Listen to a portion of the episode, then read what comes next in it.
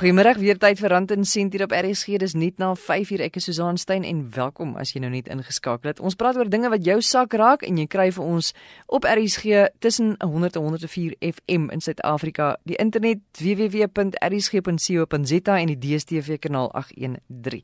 Ons gaan vanmiddag 'n luisteraarsbrief beantwoord oor pensioenuitbetalings aan jou weduwee as jy nou tot sterwe sou kom indien dit jou tweede huwelik is. Ons kyk ook na hoe mans en vroue verskil wanneer dit by 'n beleggingsstrategie kom en hoe ons van mekaar kan leer. En dan praat ons oor finansiële advies. Mense wonder soms Is dit nou regtig nodig om 'n finansiële adviseur te kry? Kan jy nie sommer maar self jou planne maak en jou eie beleggings doen nie? So ons gaan kyk wanneer is dit nodig en wanneer kan jy dit sommer self doen? Janet Maree is 'n direkteur by Allen Gray en Janet net om mee te begin, wat is volgens jou die waarde van finansiële advies? Susan, weet jy, ek dink die waarde van advies kan 'n mens kan ek op op twee groot pilare baseer. Ek dink die een daarvan is dat finansiële produkte is kompleks. En die oomblik as jy begin rondsoek en jy begin wonder en en jy sien hoeveel keuses is daar. Om met jou om vir jou voorbeeld te gee, daar's vandag meer as 1500 verskillende effekte trust fondse beskikbaar. Nou dis bykans onmoontlik om 'n goeie ingeligte keuse te maak wanneer jy met soveel keuse voor jou staan. So ek dink die eerste ding waar 'n waar 'n finansiële adviseur geweldig baie kan help is om vir jou te help om keuses te maak. Maar ek dink meer is dit. Dit gaan oor 'n plan. Baie keer het 'n mens 'n paar rand wat jy net wil wegsit. En dan is dit miskien glad nie so slegte idee om te sê, "Goed, iemand het vir my 'n spesifieke fondsbestuurder aanbeveel, ek het 'n goeie idee en eintlik wil ek maar net die geld daar gaan belê nie." Ek dink dan kan 'n mens dit op jou eie doen, maar die oomblik as dit kom by 'n langtermynplan, Die oomblik as jy 25 of 30 is en jy werk al 'n paar jaar en jy besef jy het nog geen voorsiening vir jou aftrede begin maak nie. Jy weet, waar begin 'n mens? Hoe kies jy tussen betaal ek my skuld af? Hoe beplan ek? Hoe maak ek seker dis 'n langtermynplan wat ek het? So ek dink in terme van 'n plan is 'n finansiële adviseur werklik 'n goeie idee. En dan miskien tweedens in terme van 'n mens se eie optrede. Ons sê baie keer dat met langtermynbelegging is ons kliënte of die mens is amper sy eie grootste vyand. Want 'n mens raak onseker wanneer die markte onseker is en jy neem emosionele besluite. En dis baie keer waar 'n adviseur baie goed vir jou kan help om jou op koers te hou en te sê maar jou plan het nie verander nie. So kom ons wees rustig, jy weet, kom ons verander nie aan aan die keuses wat ons gemaak het nie. So ek sê dink dis die twee dinge. As jy 'n plan nodig het en en wanneer keuses te kompleks is, En dan nou derdens, wanneer jy voel, jy weet, die mark is onseker en jy het iemand nodig om jou bietjie op koers te hou. Nou dan moet jy nou een kies. En hoe besluit jy? Hoe kies jy vir jou adviseur? Want daar is so baie mense daar buite. Ja, dis reg. Weet jy, ek dink daar's twee maniere hoe 'n mens daarna kan kyk. Ek glo baie sterk aan die aanbeveling van iemand wat jy ken en vertrou. Want jy weet as jy 'n uh, baie goeie vriend het of 'n uh, jy weet 'n familielid wat finansiëel vir hulle self goed doen en wat hulle adviseer het en dat wat dalk al vir jare met 'n persoon 'n verhouding het. En dis die ding van advies.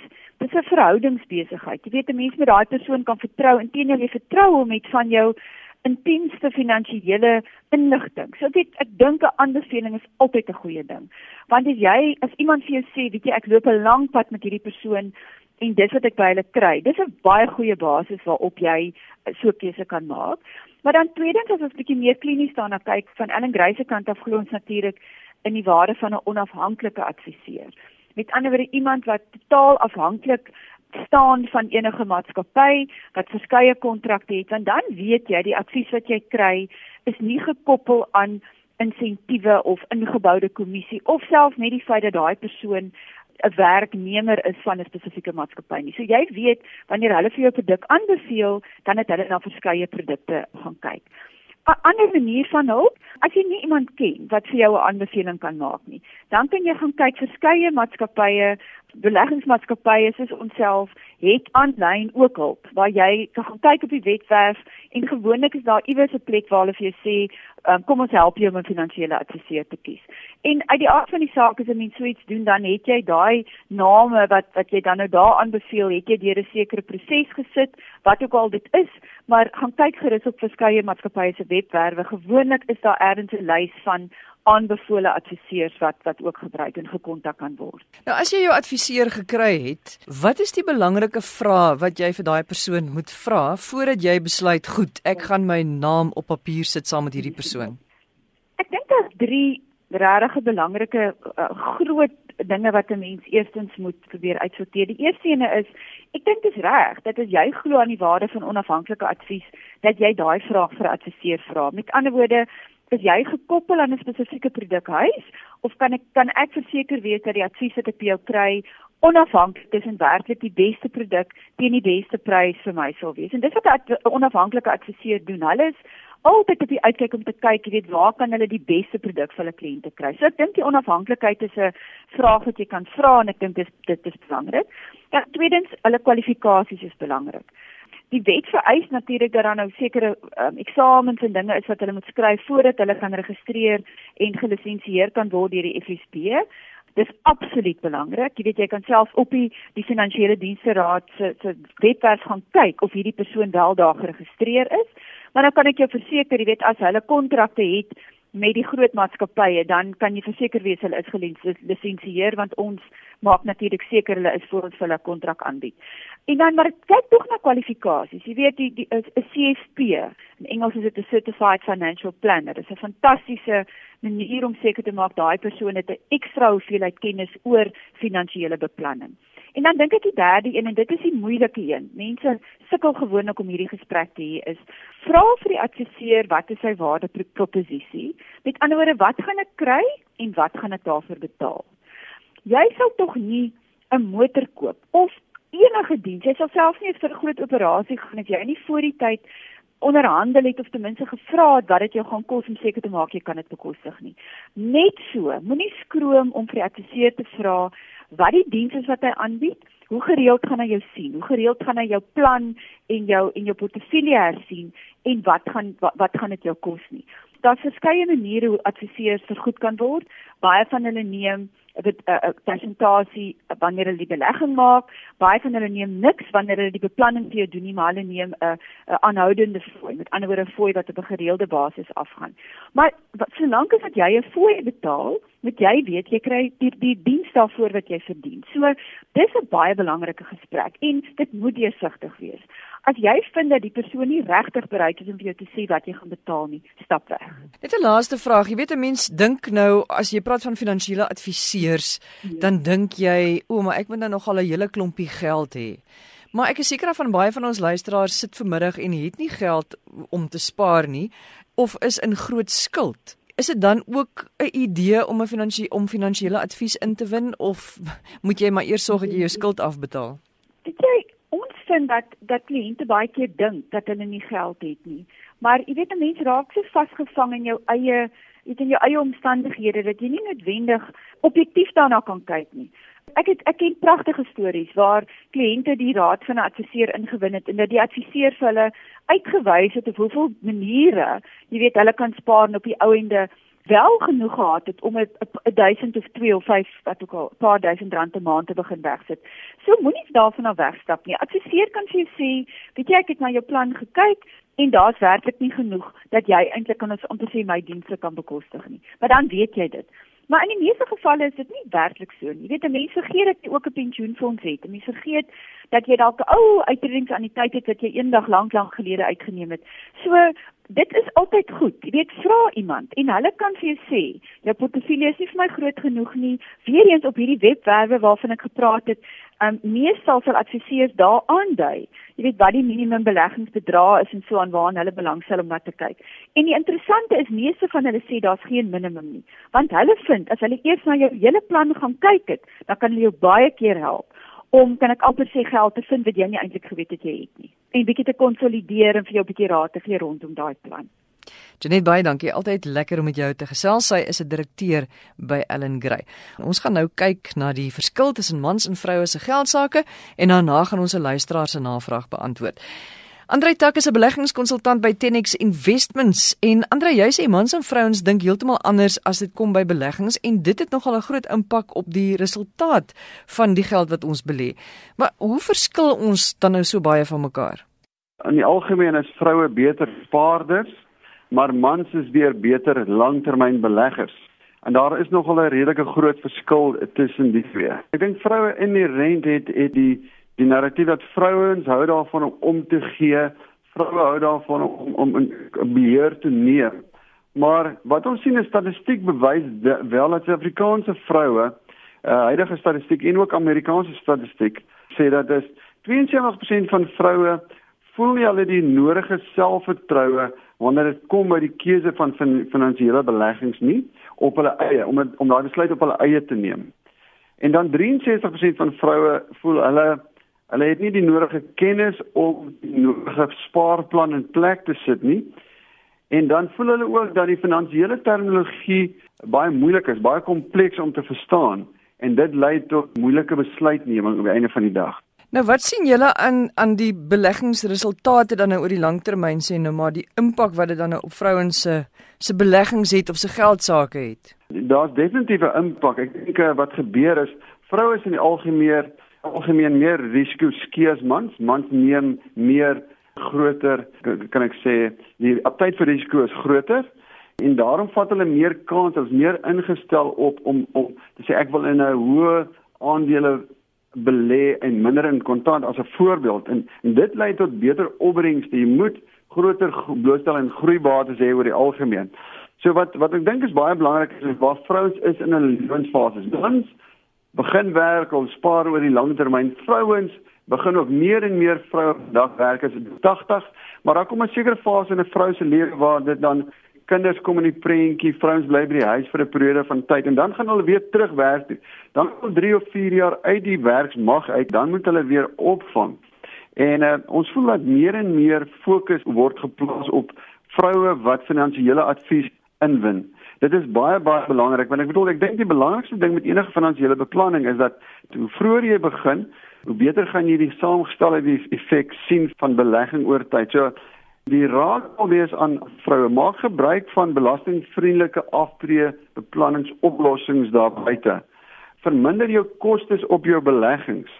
Kyk na 'n uh, risikogepaste portefeuilles wanneer jy beleggingskeuses maak. En ek dink wat baie belangrik is, jy moet aandele blootstelling in jou portefeuilles hê en dis dit kom terug tot vroeëre wat ek gesê het dat vroue is 'n bietjie meer risiko skiet. So omdat die finansiële terminologie moeilik is om te verstaan, neem dit 'n bietjie langer om te verstaan dat aandele is 'n baie goeie bateklas om in te sluit ongeag manlik of vroulik oor die langer termyn is dit jou inflasie uitpresterende bateklas. So wat jy eintlik vir vrouens sê is vrouens moet meer bereid wees om hulle moenie bang wees nie of ons moet meer bereid wees om 'n bietjie risiko te neem en hard te speel soos mans en jy weet om dan regtig advies in te win en te kyk wat is alles daar buite. Definitief, dit maak my regtig warm onder die hart as ek sien daar's baie meer finansiële adviseurs wat vroue is in die bedryf. Hulle doen baie goed, daar's verskeie wat ek kan opnoem. Ek dink een baie belangrike boek wat geskryf is is deur Lou Ann Lofton. Sy het 'n boek geskryf Warren Buffett belê soos 'n meisie en daar is 'n baie baie besliste rede daarvoor.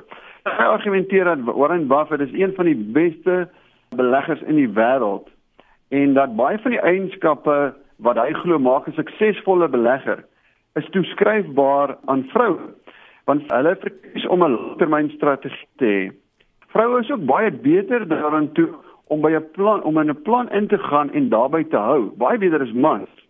En dit beteken hulle is al nie rondskuif tussen uh, as die markte presteer of onderpresteer oor tyd nie. So jy moet by jou langtermynbeleggings jou bateklas bly. Dat vroue verstaan ook die balans baie beter tussen wat ons noem greed en fear. Verstaan jy? En hulle sal ook die mark uh, wat ons noem mark noise of die mark geraas beter kan kan wegskuif as mans. So eintlik het mans sekere eienskappe wat spaar en en en finansies aan betref en vroue en dit as 'n mens dit kan alles saamgooi dan gaan jy eintlik die perfekte spaarder of of beleggerspersoon hê jy gaan definitief die die die die korrekte balans hê. Ek dink die die goue reëls bly dieselfde vir beide partye. Die goue reëls is en ons glo daar's drie goue reëls wat jy moet doen. Jy moet oor jou werksleeftyd moet jy minstens 1% in fooie betaal. Want ek bedoel vir elke 1% wat jy addisioneel betaal, erodeer 30% van jou aftrekkapitaal by aftrede. Dit is baie belangrik om te verstaan. Die tweede ding is jy moet in jou beleggingsplan ingaan, hou jy jou oorspronklike beleggingsdoelwit Die tweede punt is dat jy moet uh jy moet by, jy moet blootstelling hê aan aandele as jou hoofbateklas. In die omgewing van 70% aandele bloot blootstelling aan aandele, internasionaal en SA aandele.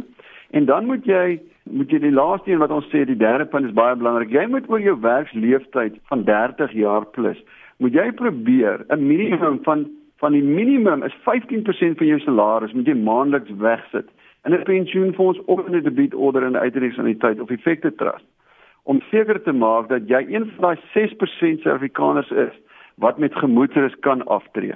Andre, dit was nou baie interessant. Baie dankie Andre Tak. Hy is 'n beleggingskonsultant by 10X Investments.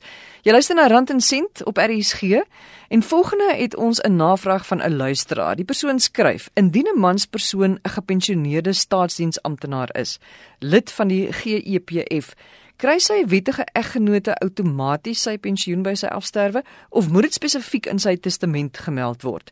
Die persoon sê ook dit is 'n tweede huwelik buite gemeenskap van goedere sonder die aanwasbedeling en hulle is reeds meer as 25 jaar getroud. Sy eerste eggenote was destyds jare voordat sy oorlede is aangewys as die begunstigde en is reeds ongeveer 29 jaar terug oorlede. Kan die huidige eggenoot dus gerus wees dat sy die weduwee pensioen outomaties sal ontvang al word dit nie spesifiek so in sy testament uitgestipel nie? Die persoon skryf ook: Sy enigste kind, 'n aangenome seun, is sy enigste erfgenaam volgens sy testament. Nou wil die persoon baie graag weet, daar's onsekerheid by die man en by die eggenote en uh, die persoon wil graag weet of sy outomaties die weduwee pensioen gaan ontvang en of dit iewers so beskryf moet word in die testament of elders. Nou op die lyn is Arinda Trieter. Sy is 'n prokureur by Skuman Law ingelyf. Arinda, jy het hierdie brief gesien. Jy het nou ook gehoor wat ek gesê het. Wat is jou antwoord? 'n Pensioenfonds word beheer deur die trustees van die pensioenfonds waarvan jy lid is. Met ander woorde, die voordele wat betaalbaar uit dit is en dan wie dit betaal word, word deur hierdie trustees gereguleer en daarom vorm dit nie deel van jou boedel nie. Dis hoekom dit so belangrik is dat hierdie nominasie van begunstigde vorms ten alle tye opgedateer is by die pensioenfonds sodat die trustees kan weet aan wie jy wil hê dit moet uitbetaal word en waar jy nie begunstigdes genomineer het nie, sal die voordeel in jou boedel val. Met ander woorde, Arinda, as hy nie spesifiek dit so aan hierdie trustees van die pensioenfonds noem nie, beteken dit die geld gaan in sy boedel in en dan sal sy seun wat die enigste erfgenaam is, dit erf en nie sy weduwee nie. Ja, dit is 'n probleem omdat 'n pensioenfonds nie direk deel vorm van jou boedel nie, gaan jou testament dit nie beïnvloed nie. So dit is ook nie nodig om dit in jou testament uiteen te sit nie. Jy moet dit spesifiek op daai nominasie van begunstigde vorms gaan invul. Hy moet gaan seker maak by die GEPF dat sy nominasievorm duidelik sê dat sy nuwe eggenoot die kontantuitbetaling ontvang. Want by die GEPF werk dit so dat die kontantuitbetaling word gemaak aan die genomineerdes in die verhouding soos wat jy dit aangedui het op jou nominasievorm. So as hy dit nie so gaan aandui nie, dan gaan daai gedeelte die kontantuitbetaling in sy boedel val en sy seun gaan dit dan erf volgens sy testament. Maar die ander deel van hierdie storie, volgens die GEPF se reëls, is daar 'n pensioen wat outomaties aan jou eggenoot betaalbaar is en nie aan die ander genomineerde begunstigdes nie. En hierdie is 'n anniteit, dit is 'n lewe lang lewenslange maandelikse pensioen wat aan die eggenoot betaal word en dit word nie deur 'n tweede huwelik beïnvloed nie. So sy kan gerus wees dat al is sy nominasievorm nie opgedateer nie, dat sy nog steeds hierdie eggenoot pensioen sal ontvang outomaties. Maar vir die kontantuitbetaling gedeelte daarvan, moet hy seker maak dat sy nominasievorm opgedateer is. Dit is belangrik om uit te vind wat jou spesifieke pensioenfonds reëls is want nie alle pensioenfondse werk dieselfde met betrekking tot die eggenote nie. En veral as jy buite gemeenskap van goedere getroud is, waar jy nie daai outomatiese helfte van jou eggenoot se boedel ontvang nie, moet jy seker maak daar is of 'n outomatiese eggenoot uitbetaling in jou pensioenfonds of jy moet seker maak dat jou nominasievorm opgedateer is. Nou as ons luisteraar vanmiddag luister, wat is stap 1 wat hy môre moet doen, maandagooggend eerste ding moet doen? Eerste ding wat hy moet doen is sy pensioenfonds bel, die GEPF of op hulle webwerf kyk, hulle het gewoonlik online vorms wat jy sommer kan invul daar en nie begunstigdes verander, maar jy moet doodseker maak dat sy vrou op die nominasie begunstigde vorm ingevul is sodat sy die kontant uitbetaling kan ontvang. Dan kan hy ook kyk, al die vorms is daar sodat hy solank die vorms kan aftrek wat sy gaan moet invul die dag as daar iets met hom gebeur. En ek stel voor sit dit alles bymekaar en hou dit by jou testament. Nou as hy ingaan en hy sien sy is nou nie genomineer nie, wat moet hy dan Ja. doen? Hy gaan 'n eenvoudige vorm invul wat dit verander om haar die genomineerde te maak. En dit is so eenvoudig soos dit. Dit is so eenvoudig soos dit. En as daai vorms ingevul is en is ingestuur, dan kan sy en hy gerus wees. Dan kan hulle gerus wees, die dag as daar dan iets met hom gebeur, kan sy dan die GEPF kontak, die vorms ingee en hulle betaal die uitbetaling aan haar en die eggenote pensioen. Rena, is daar iets anders wat 'n mens moet weet? Want ek is seker daarvan daar's baie luisteraars wat in hierdie posisie sit of wat een of ander vraag het oor hierdie soort situasie. Is daar iets anders wat ons moet weet? Ja, die belangrikste deel daarvan is om te onthou dat die pensioenfonds nie outomaties deel vorm van jou boedel nie. Ek dink baie mense vergeet dit of is nie bewus daarvan nie en dink omdat die persoon in hulle testament is, gaan hulle outomaties die pensioen ook ontvang. Maar dit is nie altyd die geval nie want dit val nie in jou boedel nie. So jy moet altyd seker maak dat daai vorms apart is en apart ingevul word sodat jy kan spesifiseer waartoe dit moet gaan. Rena, nou 'n mens kry binne gemeenskap van goedere, dan kry jy buite gemeenskap van goedere sonder die aanwasbedeling soos hierdie luisteraar van ons, maar ook buite gemeenskap van goedere met die aanwasbedeling. Wat beteken daai drie verskillende maniere van trou as dit kom by jou pensioenfonds? Ja, so binne gemeenskap van goedere het jy kry jy as 'n eggenoot outomaties 50% van die totale boedel. Wat beteken jou boedel en jou eggenoot se boedel word in 'n groot pot gesit en aan die einde van die dag word dit in die helfte helfte gedeel. So daar behoort jy as 'n eggenoot outomaties die 50% van die pensioen te ontvang. Maar met buitegemeenskap van goedere omdat die pensioen nie direk deel vorm van jou boedel nie, gaan jy nie outomaties daai 50% ontvang soos wat jy sou doen met binne gemeenskap van goedere. En met die aanwasbedeling aan die ander kant vorm die pensioenfonds nie deel van jou aanwas nie. So dit gaan nie in jou aanwasberekening val om te verreken word aan die einde van die dag nie. En wat beteken dit dan sou iemand sou jou eggenoot te sterwe kom en jy met die pensioen kry sien hom as jy binne gemeenskap van goedere is of buite gemeenskap van goedere met die aanwasbedeling? Dit beteken dat indien jou eggenoot jou genomineer het op die pensioenfonds, dan kan jy aanspraak maak op jou gedeelte. Maar indien hy jou nie genomineer het nie, het jy geen aanspraak daarop as jy met die aanwas getroud is nie. So dis basies dieselfde reëls wat dan geld as wat jy net nou aan die begin van ons gesprek vir ons Ja. verduidelik het. Ja, dit gaan basies by die by dieselfde punt uitkom. Jy moet seker maak jou nominasievorms is opgedateer. Arinda baie dankie vir jou tyd en moeite. Dis Arinda Trieter, sy is 'n prokureur by Skuman Law ingelyf. As jy 'n vraag het om te vra, stuur vir my e-pos Susan@rsg.co.za. Dis S U Z A A N by rsg.co.za. Ek hoop dit is 'n baie mooi week vir jou. Ons gaan volgende Sondag verder gesels. Totsiens.